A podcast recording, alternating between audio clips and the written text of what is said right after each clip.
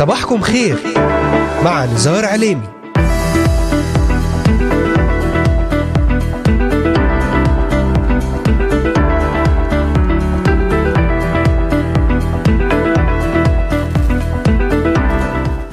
أهلا وسهلا بجميع مستمعات ومستمعي إذاعة صوت الأمل وبجميع الذين انضموا الآن لبرنامج صباحكم خير. اليوم الأربعاء الواحد والعشرين من شهر ديسمبر كانون الأول للعام 2022 معكم على الهواء مباشرة نزار عليمي أهلا وسهلا بكم. أرحب بمستمعينا من الأراضي المقدسة ومن بلدان الشرق الأوسط وشمال أفريقيا من سوريا لبنان مصر تركيا الأردن والعراق ليبيا اليمن السعودية والكويت من أستراليا أمريكا ألمانيا كندا والسويد والذين يتواصلون معنا ويتابعوننا على مختلف منصاتنا الاجتماعية لإذاعة صوت الأمل.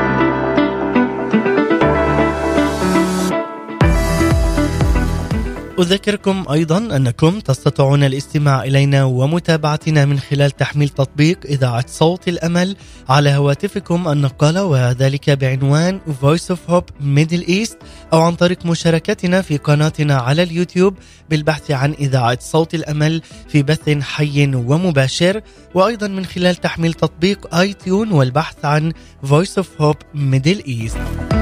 كما ويمكنكم أيضا زيارة موقعنا الرسمي voiceofhope.com تابعونا على مدار هذه الساعة الصباحية ولأي سؤال أو استفسار تواصلوا معنا الآن.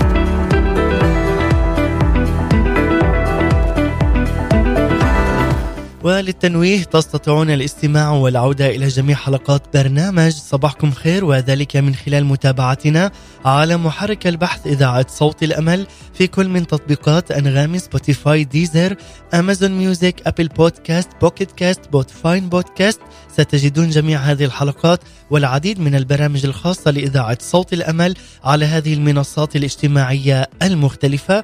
وأذكركم أن هذه الحلقة تعاد أيضا في تمام الساعة الثانية ظهرا بتوقيت القدس.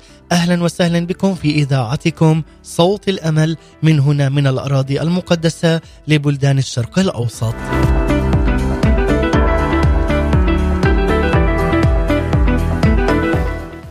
ما الذي يدفع أي إنسان أن يترك بيته حيث الأسرة والراحة والاستقرار والأمان ويسافر في طريق مليئه بالمخاطر.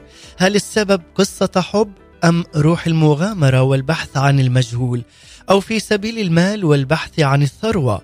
أم بدافع حب الشهرة أو حب المعرفة؟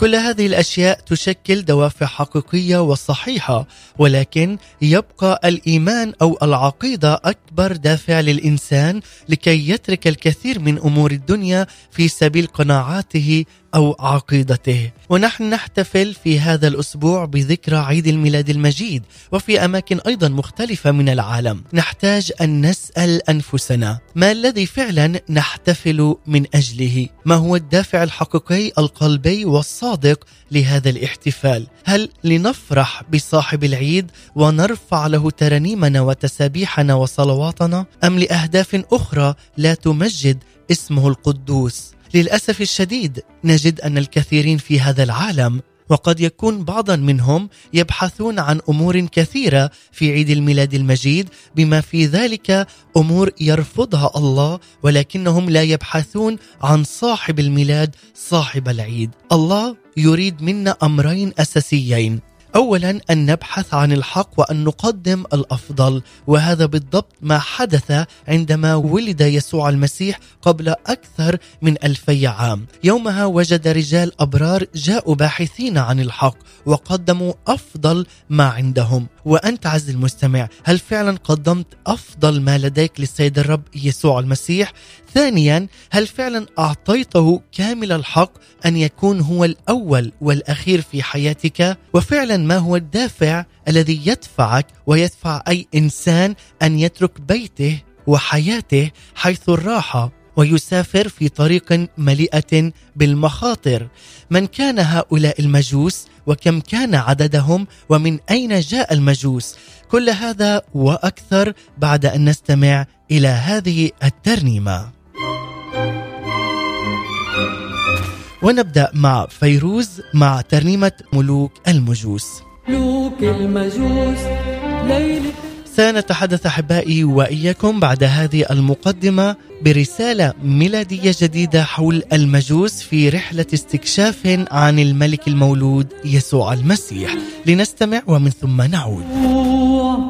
معهم بخور وذهب وحرير وأساميهم كتبوها فوق سيوفهم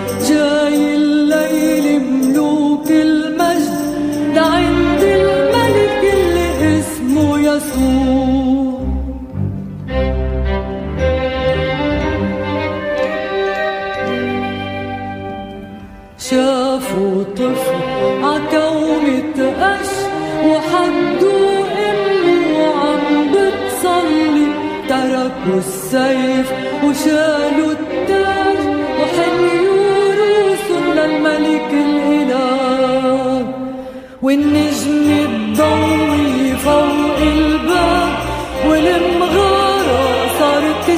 سما صغير وقفوا على باب الرعيان يصلوا يصلوا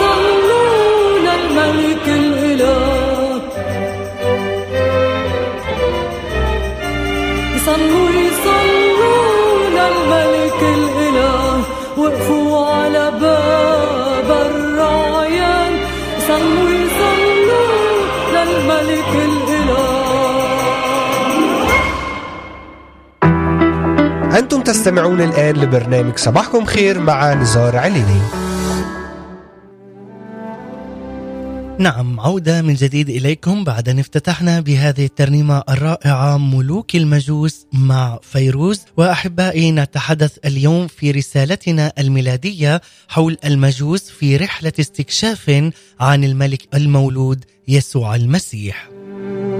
رسالتنا في هذا اليوم ترتكز على إنجيل متى الإصحاح الثاني والعدد الأول حتى العدد الخامس عشر لنبحر معا في موسم الميلاد برسائله المجيدة ونتعرف أيضا على أبرز الشخصيات التي برزت في زمن الميلاد. قد تحدثنا سابقا عن العديد من الشخصيات وأهمها أيضا تحدثنا عن القديسة المطوبة مريم العذراء ويمكنكم الاستماع والعودة إلى هذه الحلقات والرسائل الميلادية من خلال المنصات المختلفة على بودكاست من خلال Apple Podcasts Deezer أنغامي Spotify وعلى جميع هذه المنصات المختلفة. وفي هذا اليوم أحبائي سنتعرف معا على المجوس وهم رجال قد تركوا بيوتهم حيث المركز والغنى والراحة وجاءوا إلى بيت لحم في رحلة بحث واستكشاف عن الملك المولود وهو يسوع المسيح تابعونا وابقوا معنا على السماع من خلال برنامج صباحكم خير وأرحب في هذا الوقت بجميع الذين انضموا الآن إلينا أهلا وسهلا بكم في إذاعتكم صوت الأمل.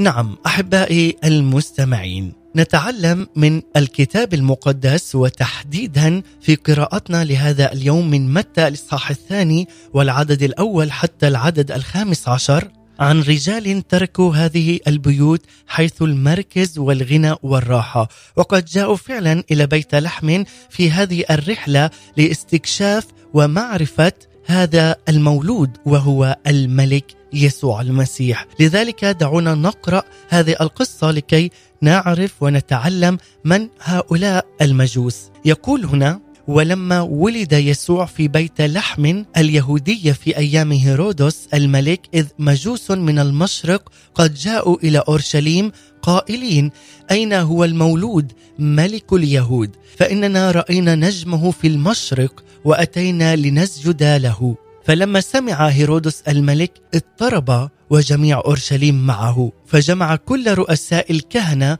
وكتبت الشعب وسألهم أين يولد المسيح؟ فقالوا له في بيت لحم اليهودية لأنه هكذا مكتوب بالنبي وأنت يا بيت لحم أرض يهوذا لست الصغرى بين رؤساء يهوذا لأن منك يخرج مدبر يرعى شعب إسرائيل. حينئذ دعا هيرودس المجوس سرا وتحقق منهم زمان النجم الذي ظهر. ثم أرسلهم إلى بيت لحم وقال اذهبوا وافحصوا بالتدقيق عن الصبي ومتى وجدتموه فاخبروني لكي آتي أنا أيضا واسجد له. فلما سمعوا من الملك ذهبوا وإذا النجم الذي رأوه في المشرق يتقدمهم حيث جاء ووقف فوق حيث كان الصبي.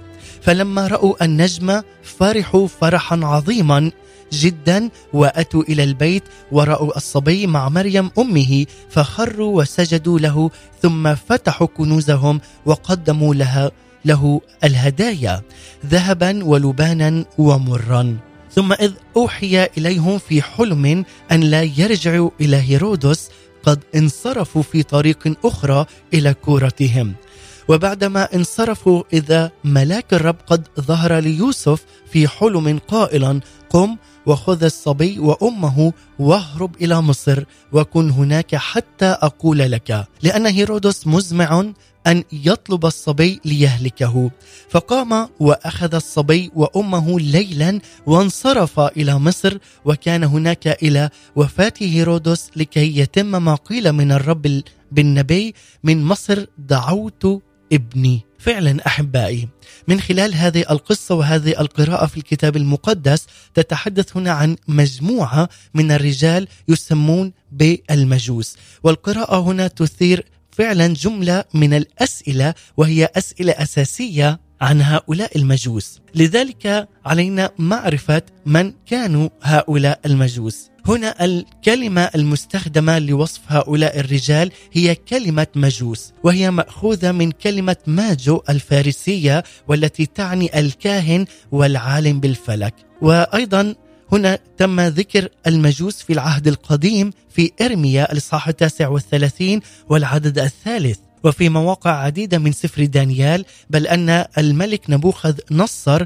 ملك بابل أعطى النبي دانيال لقب ومكانة أي مكانة كبير المجوس أي كبير مستشاري الملك. كما أيضا جاء في متى الإصحاح الثاني والعدد الأول بأن الكلمة اليونانية المستخدمة هي كلمة ماجوي وترجمتها في العربية مجوس. وفي الترجمات أيضا الأخرى تعني الحكماء. فالحديث هنا هو عن رجال حكماء علماء يعملون في بلاط الملوك والأباطرة كمستشارين عظماء جدا. أي لا نستخف بهم ابدا. أي أننا أمام رجال لهم المكانة العلمية والعملية والاعتبارية وأيضا المكانة الاجتماعية. ومع ذلك قد أطاعوا الرسالة السماوية التي عرفوها من خلال رؤية النجم ووضحوا وخاطروا بالسفر الطويل ليكونوا في محضر الطفل المولود وهو الملك العظيم يسوع المسيح. هذه بداية نبذة قصيرة عن من كان هؤلاء المجوس. أما كم كان عدد المجوس في سياق هذه القصة التي قرأناها نستطيع أن نستنتج أن عددهم كان كبيرا نوعا ما. ودليل ذلك هو أن هيرودس الملك اضطرب وجميع أورشليم معه. فلا يعقل أن يضطرب الملك وكل السكان سكان أورشليم من سؤال صادر عن عدد قليل من الرجال، لذلك هنا يستنتج بأن كان عدد المجوس هو عدد هائل جدا، لذلك لم يذكر حتى العدد بالضبط ولكن كان العدد كبيرا. من أين جاء المجوس؟ هنا قال أنه على الأغلب جاءوا من بلاد الفارس أي من إيران إلى الشرق من الأراضي المقدسة. وبالتالي فوصولهم إلى القدس كان يعني السفر في طرق صعبة جدا بما فيها الصحراء. لذلك أسئلتنا عن المجوس هي مهمة جدا لأن الأجوبة أيضا تكشف لنا حقيقة حاجة البشرية للسيد الرب يسوع المسيح. فهؤلاء الرجال كانوا فعلا أغنياء ولهم المراكز المرموقة والمتقدمة في مجتمعاتهم ومع ذلك هم قد تركوا بيوتهم تركوا أعمالهم تركوا كل شيء وراءهم وجاءوا لكي يبحثوا عن الملك المولود وهو يسوع المسيح. لذلك أعزائي المستمع كل واحد فينا بحاجة فعلا أن يترك كل شيء ورائه وأن يأتي ليتبع السيد الرب يسوع المسيح. أن نترك شهوات هذا العالم أن نترك ملذات هذا العالم أن نأتي ونتبع ملك الملوك ورب الأرباب أن نأتي ونتبع الطريق والحق والحياة أن نأتي ونتبع الألف والياء البداية والنهاية أن نتبع ملك السلام ورئيس المحبة وملك الغفران. هذا هو يسوع المسيح الذي علي أنا وأنت وكل من يؤمن بالسيد الرب يسوع المسيح أن يتبع هذا الملك ملك الملوك ورب الأرباب لذلك كل واحد منا اليوم بحاجة إلى أن يأتي إلى السيد الرب يسوع المسيح لأن عنده الشبع الحقيقي والغفران الأكيد والحياة الأبدية. سؤال المجوس عندما وصل المجوس هنا إلى أورشليم كان هذا السؤال يتراودهم أين هو المولود ملك اليهود؟ هذا كان أول سؤالهم يتساءلونه أين هو المولود ملك اليهود؟ فإننا رأينا نجمه في المشرق وأتينا لنسجد له. فعلا يا له من سؤال مثير جدا وملفت للعقول والقلوب إذ يقول هنا أين هو المولود؟ عندما رأى المجوس نجم المولود في بلادهم البعيدة وتبعوا النجم إلى أن وصلوا إلى أورشليم لأنه من البديهي أن يتم البحث عن الملك في هذه الأراضي مدينة الهيكل العظيم. فالمجوس لم يعلموا أن الملك الموجود جاء متواضعا ووديعا وقد اختار مكانا بسيطا جدا وفي بلدة صغيرة لكي يولد فيها وهي بيت لحم. لذلك كان عند المجوس إيمانا راسخا بأن ولادة ملك اليهود قد تمت فسؤالهم كان بلغة الواثق وليست المتشكك. وهنا ما يريدونه كان مشاهدته هم بالعيان. أي أن يروا هذا الملك المولود. لقد آمنوا وصدقوا ولادته بعقولهم وقلوبهم وكان إيمانهم حيا. وقد أرادوا الآن أيضا أن يشاهدوا بعيونهم. لقد تركوا بلادهم بالإيمان على رجاء أن يكللوا ويكللوا هذه الرحلة بالعيان. وأيضا على مدى التاريخ نجد أن رجال ونساء الإيمان كانوا مستعدين للتضحيات من أجل هذه العقائد وكثيرون فعلا قد بدأوا هذه الرحلة مع الله بالإيمان ومشتاقين إلى رؤيته بالعيان. كم منا يشتاق إلى رؤية الرب يسوع المسيح. ورؤيته فعلا تحتاج إلى نقاء القلب والقداسة لأن الرب قد وعد بأن أنقياء القلب سينظرون إلى الرب وسيشاهدونه بأعينهم. بأعينهم نعم سنشاهد هذا الإله القدوس والعظيم. الإيمان هو مفتاح العلاقة مع الله لأنه أحبائي بدون إيمان لا يمكن ابدا إرضاء الله. كما نقرأ في العبرانيين الإصحاح الحادي عشر والعدد السادس يقول ولكن بدون إيمان لا يمكن إرضاءه لأنه يجب أن الذي يأتي إلى الله يؤمن بأنه موجود وأنه يجازي الذين يطلبونه.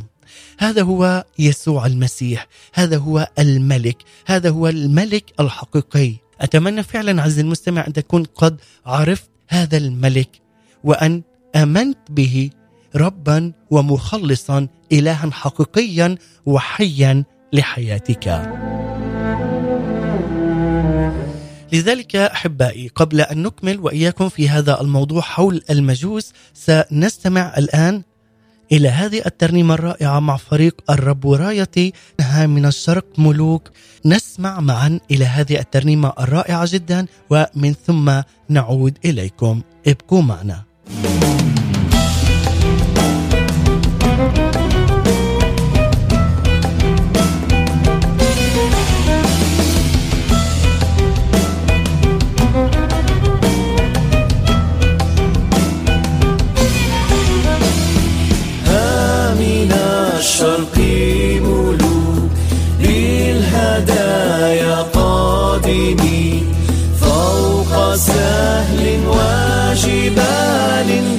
نجم تابعي أيها النجم البهي العجيب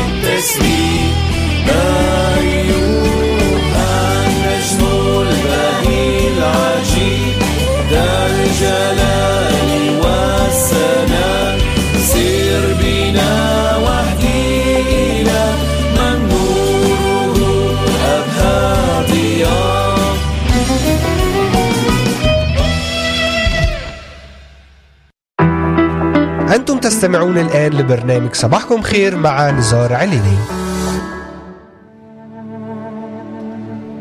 عودة من جديد إليكم أحباء مستمعي ومتابعي إذاعة صوت الأمل وبعد هذه الترنيمة رائعة جدا ها من الشرق ملوك مع فريق الرب رايتي ونحن نتحدث في رسالتنا الميلادية لهذا اليوم حول المجوس في رحلة استكشاف عن الملك المولود يسوع المسيح. وكما قلنا أن رسالتنا في هذا اليوم ترتكز على إنجيل متى الإصحاح الثاني والعدد الأول حتى العدد الخامس عشر لنبحر معا في موسم الميلاد بهذه الرسائل المجيدة لنتعرف في هذا اليوم وفي هذا الزمن على هذه الشخصيات التي برزت في موسم الميلاد وزمن الميلاد. ونتعرف معا في هذا اليوم على المجوس وهم الرجال الذين تركوا بيوتهم حيث المركز والغنى والراحة وجاءوا إلى بيت لحم في رحلة بحث واستكشاف عن الملك المولود وهو رب المجد يسوع المسيح. قبل هذه الترنيمة كنا مع هذا السؤال عندما تساءلوا المجوس أين هو المولود ملك اليهود؟ فإننا رأينا نجمه في المشرق وأتينا لنسجد له. ملك اليهود هنا سؤالهم يدل على ثقة بأنه يوجد طفل قد ولد وأن هذا الطفل ليس مثل بقية الناس أو بقية الأطفال بل هو ملك. نعم هو ملك. أجل يسوع المسيح هو ملك الملوك ورب الأرباب وليس أي ملك بل هو الملك الحقيقي. هو ملك ورئيس هذا العالم هو يسوع له كل المجد كل ركبة تنحني وتسجد للملك المولود. هو ملك الحياة هو ملك الوجود هو ملك ورب على كل من يطلبه في أي مكان وزمان. عندما يقولون هنا في هذا السؤال قد رأينا نجمه. النجم بالنسبة للمجوس كان الدليل الواقعي والعملي على ولادة يسوع المسيح. فالنجم لم يكن أي نجم بل نجمه. والضمير المتصل هنا أي حرف الهاء من كلمة نجم وقالوا هنا نجمه تعود إلى الطفل يسوع المسيح. أي هنا حرف الهاء تعود إلى فعلا يسوع المسيح أي الملك المولود. أي أن الله القدير خصص نجما وحركه ليكون هاديا في الطريق إلى الباحثين عن رب المجد يسوع المسيح كما أهدى المجوس إلى هذه الطريق الصحيحة لكي يصلوا بأمان إلى يسوع المسيح. يقول هنا أيضا وأتينا لنسجد له. المجوس عرفوا هذا الهدف حتى قبل بداية الرحلة. أرادوا أن يجدوا الملك المولود ليقدموا ليقدموا هم له هذا الحق من العبادة والسجود. لنلاحظ أحبائي أن في الكلمة اليونانية المستخدمة هنا هي كلمة προσκυνήσαι وتعني السجود العبادة والصلاة. مرة أخرى كلمة προσκυνήσαι تعني السجود والعبادة والصلاة إذ كنا فعلا نلاحظ الكلمة اليونانية المستخدمة هنا. لذلك يقول وأتينا لكي نسجد له. يشتمل السجود أحبائي دائما على التضحية. وفعلا كان المجوس مستعدين لمثل هذه التضحية فقد ضحوا براحتهم واستقرارهم وسافروا مسافات طويلة جدا في الصحاري والهضاب من أجل أن يلتقوا بالملك المولود وهو يسوع المسيح له كل المجد. لذلك أحبائي العبادة المجانية لا قيمة لها فالمجوس اولا ضحوا براحتهم في بلادهم. اي اتوا من إيران من بلاد الفارس ثم ضحوا في تحملهم لمشاق السفر الطويل وتكاليفه وخطورته أيضا. وهذا أحبائي يتفق يتفق مع كلمة الله في صموئيل الثاني الإصحاح الرابع والعشرين والآية الرابعة والعشرين حيث يقول الملك والنبي داود بوحي من الله قائلا لا أصعد للرب إلهي محرقات مجانية. كما ونقرأ أيضا حول هذا الموضوع في رسالة روميا الإصحاح الثاني عشر والعدد الأول قائلا فاطلب إليكم أيها الإخوة برأفة الله أن تقدموا أجسادكم ذبيحة حية مقدسة مرضية عند عبادتكم العقلية. أي أن أعظم هدية وأعظم تقدمة للملك يمكن لأي واحد منا فعلا أن يقدمها له وهو أن نقدم ذواتنا نفوسنا قلوبنا حياتنا بالكامل نسلمها للسيد الرب يسوع المسيح. هذه هي أعظم هدية. وفعلا أن نقول له أملك يا رب تعال واملك على حياتي تعال واملك على نفسي. أنا لست لذاتي بل لمن خلقني لمن صورني ودفع ثمن خطاياي بدمه الطاهر على الصليب. وذلك لأنك أنت من أحببتني اولا. تعال اليوم وقدم له هذا الحب كما هو أحبك للمنتهى. اسأل نفسك عز المستمع ماذا فعلا أرد للسيد الرب من أجل كل حسناته؟ في كل يوم حسنات الرب يسوع المسيح في كل يوم جديد هو يعطيك بركة جديدة في كل يوم. الله يريدك أنت يريد قلبك يريد قلبا طاهرا أن تسجد له أيضا بالروح وبالحق. الله يريد قلبك فهو القائل أعطني قلبك. الله يريدك أن تسير معه في الطريق. في هذا الطريق المستقيم وأن تبتعد عن طريق الشر وطرقه الكثيرة وأن تسير فقط مع رب المجد يسوع المسيح لكي تصل إلى بر الأمان. لذلك عز المستمع علينا فعلا أن نترك كل هذه الأمور التي في العالم والتي تشغلنا عن ملك الملوك ورب الأرباب وأن نأتي إلى الرب يسوع المسيح ونقدم له قلوبنا نقدم له حياتنا بالكامل وأن نسجد ونعبد له لأنه هو الملك الوحيد وأن ودعه أن يملك فعلا على قلبك على فكرك على عقلك على تصرفاتك على حياتك على بيتك على أولادك بالكامل. هذا فعلا ما نتعلمه أيضا في هذا اليوم من خلال رحلة المجوس أن نقدم حياتنا بالكامل وأن حتى إن كان هنالك أي مخاطر تصادفنا في هذه الرحلة فإننا نعلم يقينا أن الرب يسوع المسيح هو معنا هو الذي يجهز لنا الطريق هو يجهز يجهز لي ولك هذه الطريق. حتى إن كانت هن كان هنالك أي خطورة فالرب هو يعطيك حياة وبركة وأمان في كل ما تتقدمه عز المستمع. علينا أيضا أن نعرف أن هنالك هدايا قدموها المجوس للملك المولود. توجد هنا رموز جوهرية في الهدايا التي قدموها المجوس وهي الذهب، اللبان والمر. الذهب يرمز إلى مجد وملكوت المسيح. وهو عطية أو هدية تقدم للملوك ويرمز للغنى والثروة والمجد. أي أن هدية الذهب تليق تماما برب المجد لأنه هو رئيس المجد وهو رئيس السلام هو رئيس المحبة والخلاص. الله يستحق أن نقدم له أغلى ما عندما ما عندنا نحن كما قدم المجوس هذا الذهب. ثانيا اللبان. يرمز هنا اللبان إلى لاهوت المسيح فهو الله المتجسد واللبان عادة يقدم كعطية للكاهن كي يرفعه لله. أي أن هذه الهدية تشير إلى كهنوت الرب يسوع المسيح ولاهوته أيضا. فالرب يسوع هو الله الذي نقدم له البخور الذي يرمز لعبادة الناس لربهم وخالقهم وإلههم. لذلك فإن اللبان عبارة عن عصير شجرة يجفف ويصبح قاسيا حتى يستخدم بخورا في عبادة الله. وعصاره قلوبنا هي محبة الله والصلاة لشخصه القدوس فهو أيضا يستحق أفضل ما يمكن أن يخرج من قلوبنا وعقولنا وأفواهنا أي نعبد الله بالروح وبالحق. أن نرنم ونعطي له كامل التسبيح والترنم لإلهنا القدوس لكي تصعد كالبخور إلى عرش الله الآب. هذا بالنسبة للبان. تحدثنا عن الذهب أنه يرمز إلى مجد وملكوت المسيح واللبان يرمز إلى لاهوت المسيح لأنه هو الله المتجسد.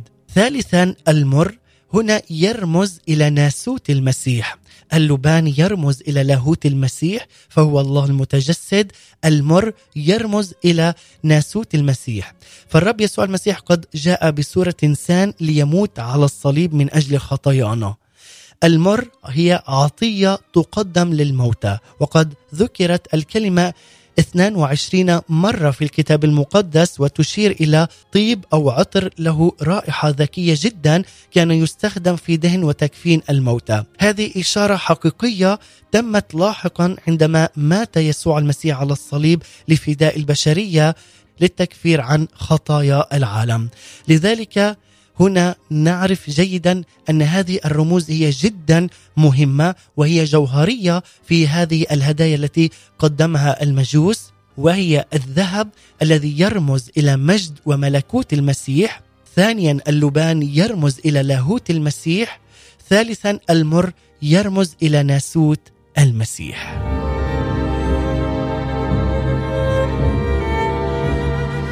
لذلك عز المستمع علينا أن نعلم جيدا أن هنالك حكمة للمجوس وهي أننا عرفنا أن أحد معاني كلمة المجوس هي الحكماء. والسؤال هنا أحبائي أين نجد فعلا الحكمة في قصة المجوس؟ في تأملنا لهذه القصة لهذا اليوم من خلال الكتاب المقدس وخاصة من إنجيل متى نجد أن حكمة المجوس قد تجسدت أولا في قرارهم السفر بحثا عن يسوع. لقد فعلا أدركوا أن الله يعمل حتى من خلال حركة النجوم في الفضاء. وبدأوا رحلتهم في البحث عن الملك المولود دون معرفة الكثير من التفاصيل.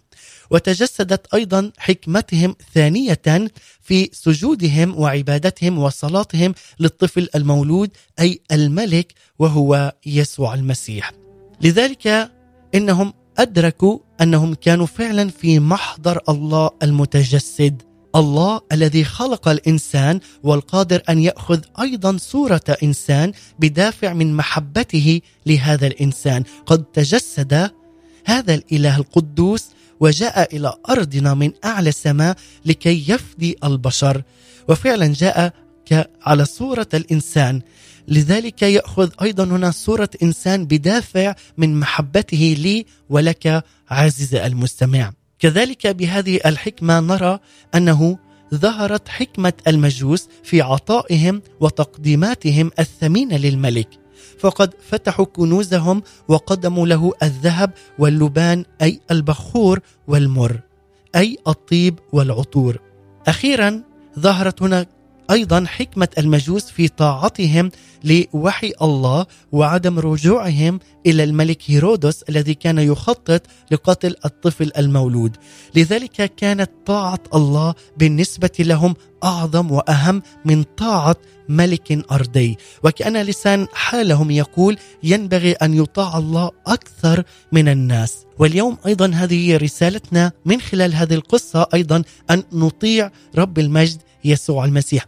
أن نسمع ليس فقط أن نسمع ولكن أن نعمل بما نسمعه من قبل رب المجد يسوع المسيح. لأن فعلا تكون هذه أعظم هدية نقدمها للملك يسوع المسيح. واليوم ينظر الله إلينا متوقعا منا أن نقتدي فعلا بحكمة المجوس.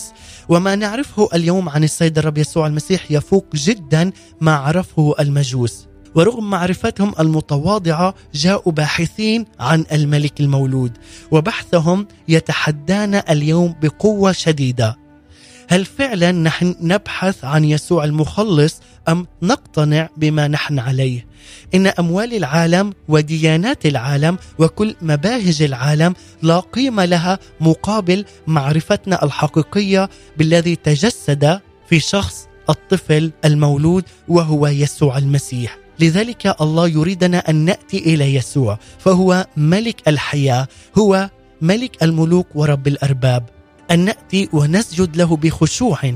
مقدمين له قلوبنا حياتنا وطاعتنا ومن ثم نكمل طريق حياتنا في السير حسب إرشاد رب المجد يسوع المسيح ووصاياه وليس بحسب وصايا الناس. لماذا؟ لكي نعلم جيدا ونعرف بأننا نحن أبناء السيد الرب يسوع المسيح له كل المجد.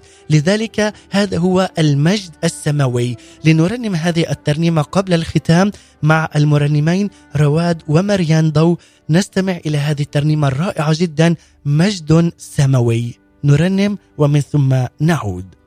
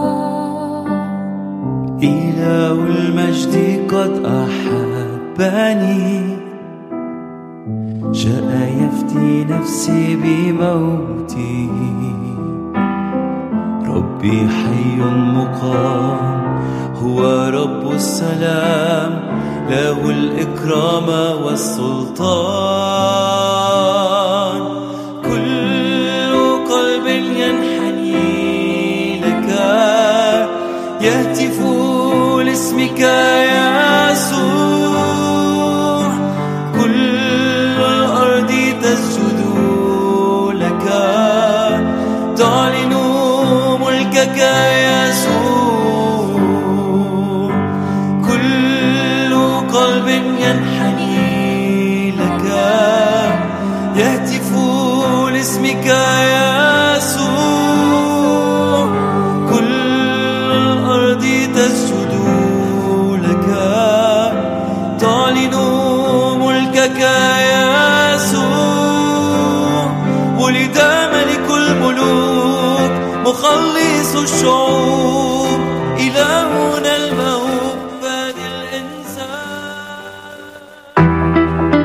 تستمعون الآن لبرنامج صباحكم خير مع نزار عليني.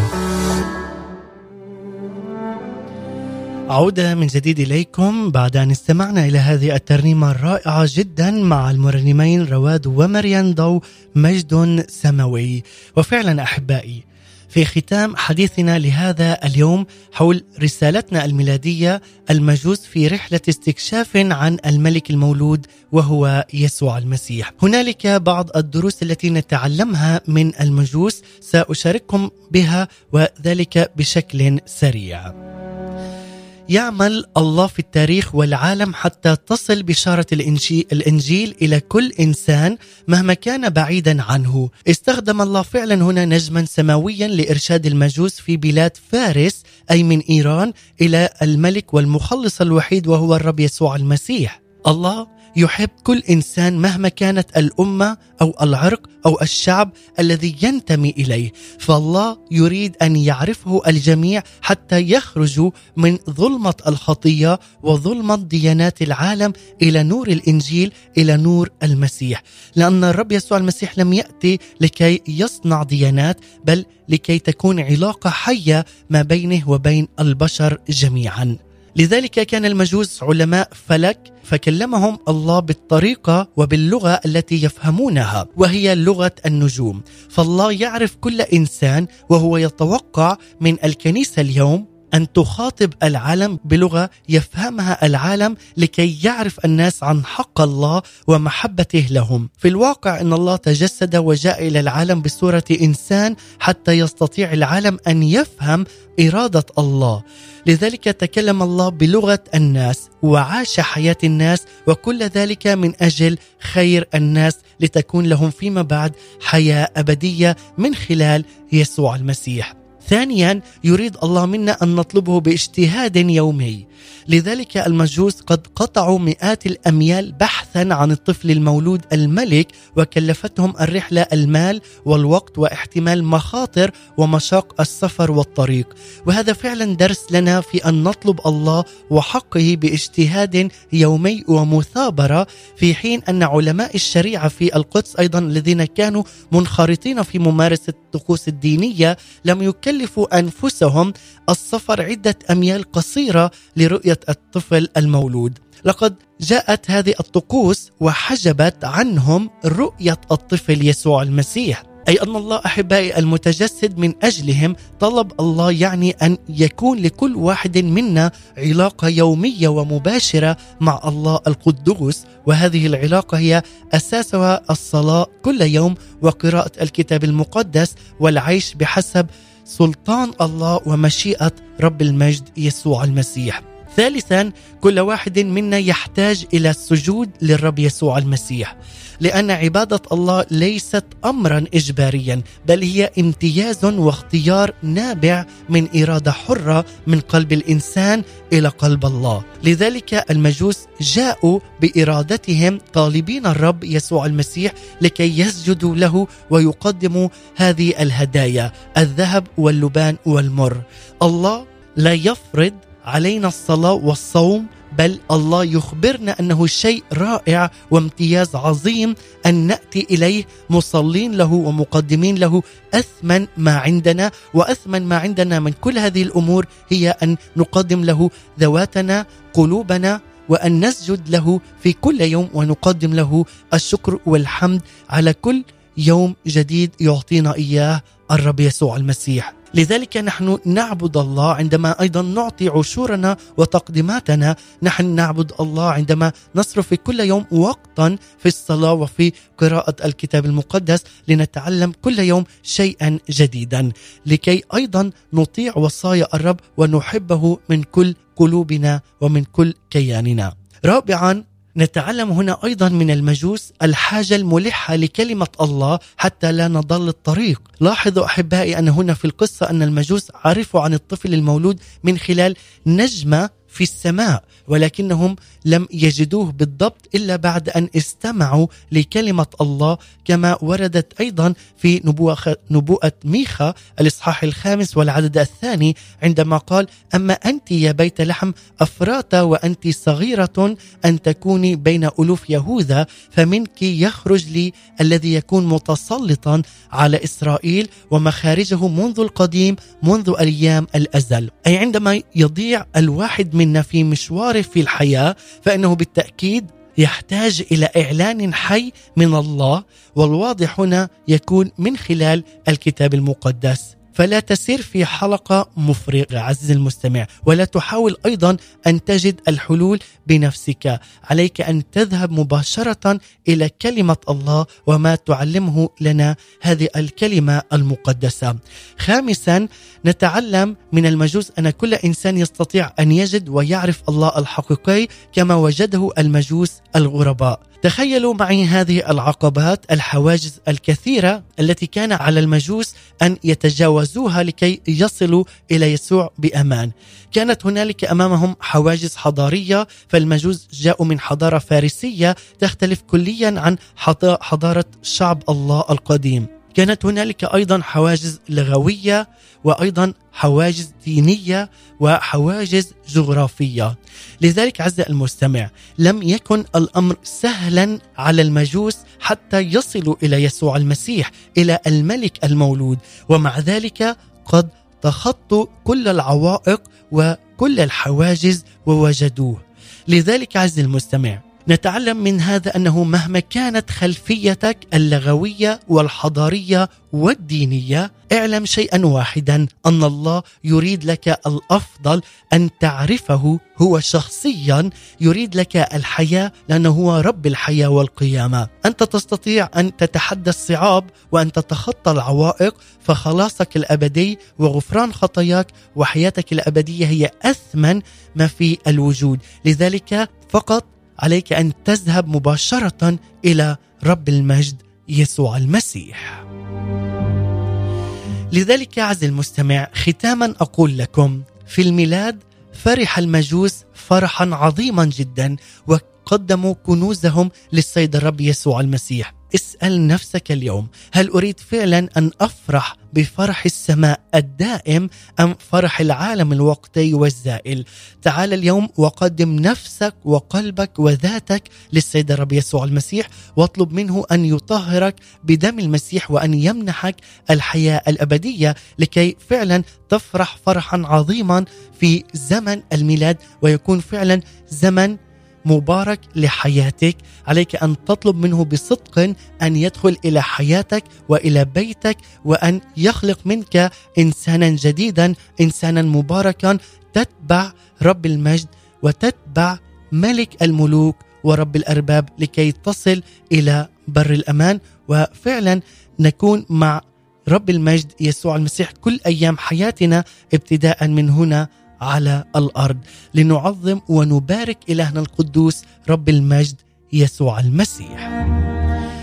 بهذا نختتم وإياكم أحبائي المستمعين حول هذه الرسالة الميلادية حول موضوع المجوس في رحلة استكشاف عن الملك المولود وهو يسوع المسيح. ولكن أحبائي قبل الختام بترنيمة ننتقل إلى الفقرة الثابتة والتي تبث لكم أيام الاثنين والأربعاء والخميس بعنوان وجبات روحية مع مقدمة وكاتبة هذه التأملات ايناس ذكور سمعان. لنستمع معا إلى هذا التأمل ومن ثم نعود إليكم. ابقوا معنا. وجبات روحية صباحية عصرية ومسائية. مع إناس دكوهر سمعان. هنا إذاعة صوت الأمل للشرق الأوسط. أهلا بكم. وجبة تأمل تأملت واستنرت. عندما يأخذ الطبيب شهادته يدخل إلى سنة تطبيقية. ثم يستطيع أن يبدأ العمل بمهنته ومعالجة المرضى. حتى قبل تخصصه يمكنه أن يعمل بهذه الشهادة قبل أن يصبح متخصصا أو بروفيسورا. فقلت في روحي أنا أيضا يمكنني أن أشهد عن عمل المسيح في حياتي بحسب درجة إيماني وحسب مستوى عظمة اختباراتي معه وحسب قوة فرحتي به. لأنه لا ينساني كل النسيان. لست بحاجة أن أنتظر موهبة أو أنتظر تخصص في الدعوة على حياتي. أكتفي بمحبتي له وفرحي به وأنا أشهد عما فعله في من تغيير جذري خلال لحظات بسيف كلمته. ويقسم لي كما يشاء وأنا سأجد لطلبي ونيل مالي من عند الرب فهو عالم بقلبي وخفاياه. فهو يعطي بسخاء ولا يعير وهو معي في الطريق يرشدني يعلمني يطهرني يدربني يبكتني يقلمني ينقيني حتى أشابه صورته في قلبي وأعمالي وإيماني. فما الفائدة من مواهبي إذا لم يكن بي محبة؟ وما النفع من دعوتي إذا لم يكن بي ثمر الروح المحبة الفرح السلام طول أنا. لطف صلاح إيمان وداعة وتعفف. فكل المواهب تزول وتبقى المحبة. محبتك يا بار. المعلن لي قبل تأسيس العالم. لك العز والمجد والكرامة يا إلهي. الآب السماوي. آمين.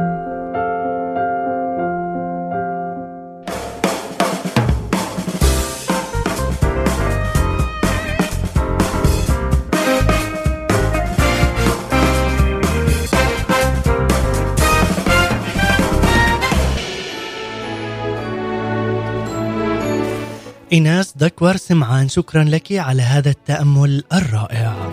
وأنا أيضا أشكركم أحبائي المستمعين والمتابعين لإذاعة صوت الأمل وخاصة لبرنامج صباحكم خير. هذه تحيتي لكم مني أنا نزار عليمي ونختتم مع جوليا بطرس يا جاي نورت بلادنا. سلام المسيح إلى اللقاء. ميلادك زينة أعيادنا. ضوي علينا يا يسوع. يا جاي نورت بلادنا. يا حكاية بيحكوها أولادنا.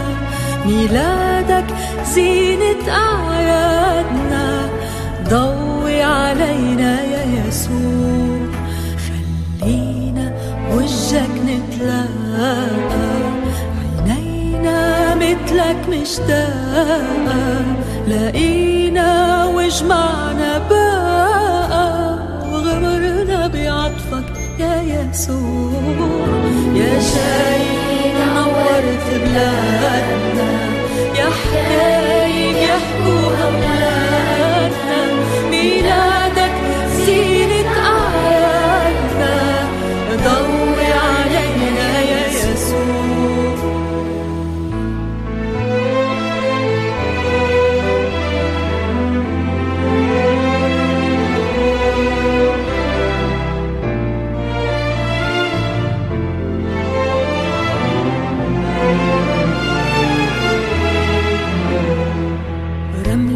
الصحراء نحنا والهوى مسرحنا من يوم اللي جينا ما منعرف مطرحنا رمل الصحراء نحنا والهوى مسرحنا من يوم اللي جينا ما منعرف مطرحنا نمشي خلف الكذبة وجعنا منخبي كل الدنيا غربي من دونك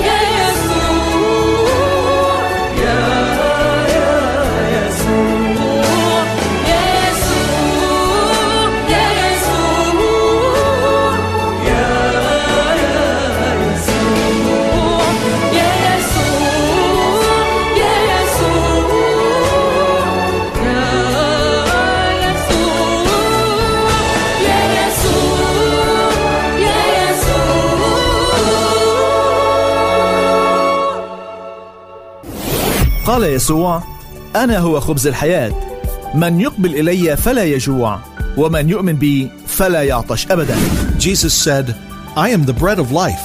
Whoever comes to me will never go hungry, and whoever believes in me will never be thirsty. إذاعة صوت الأمل The Voice of Hope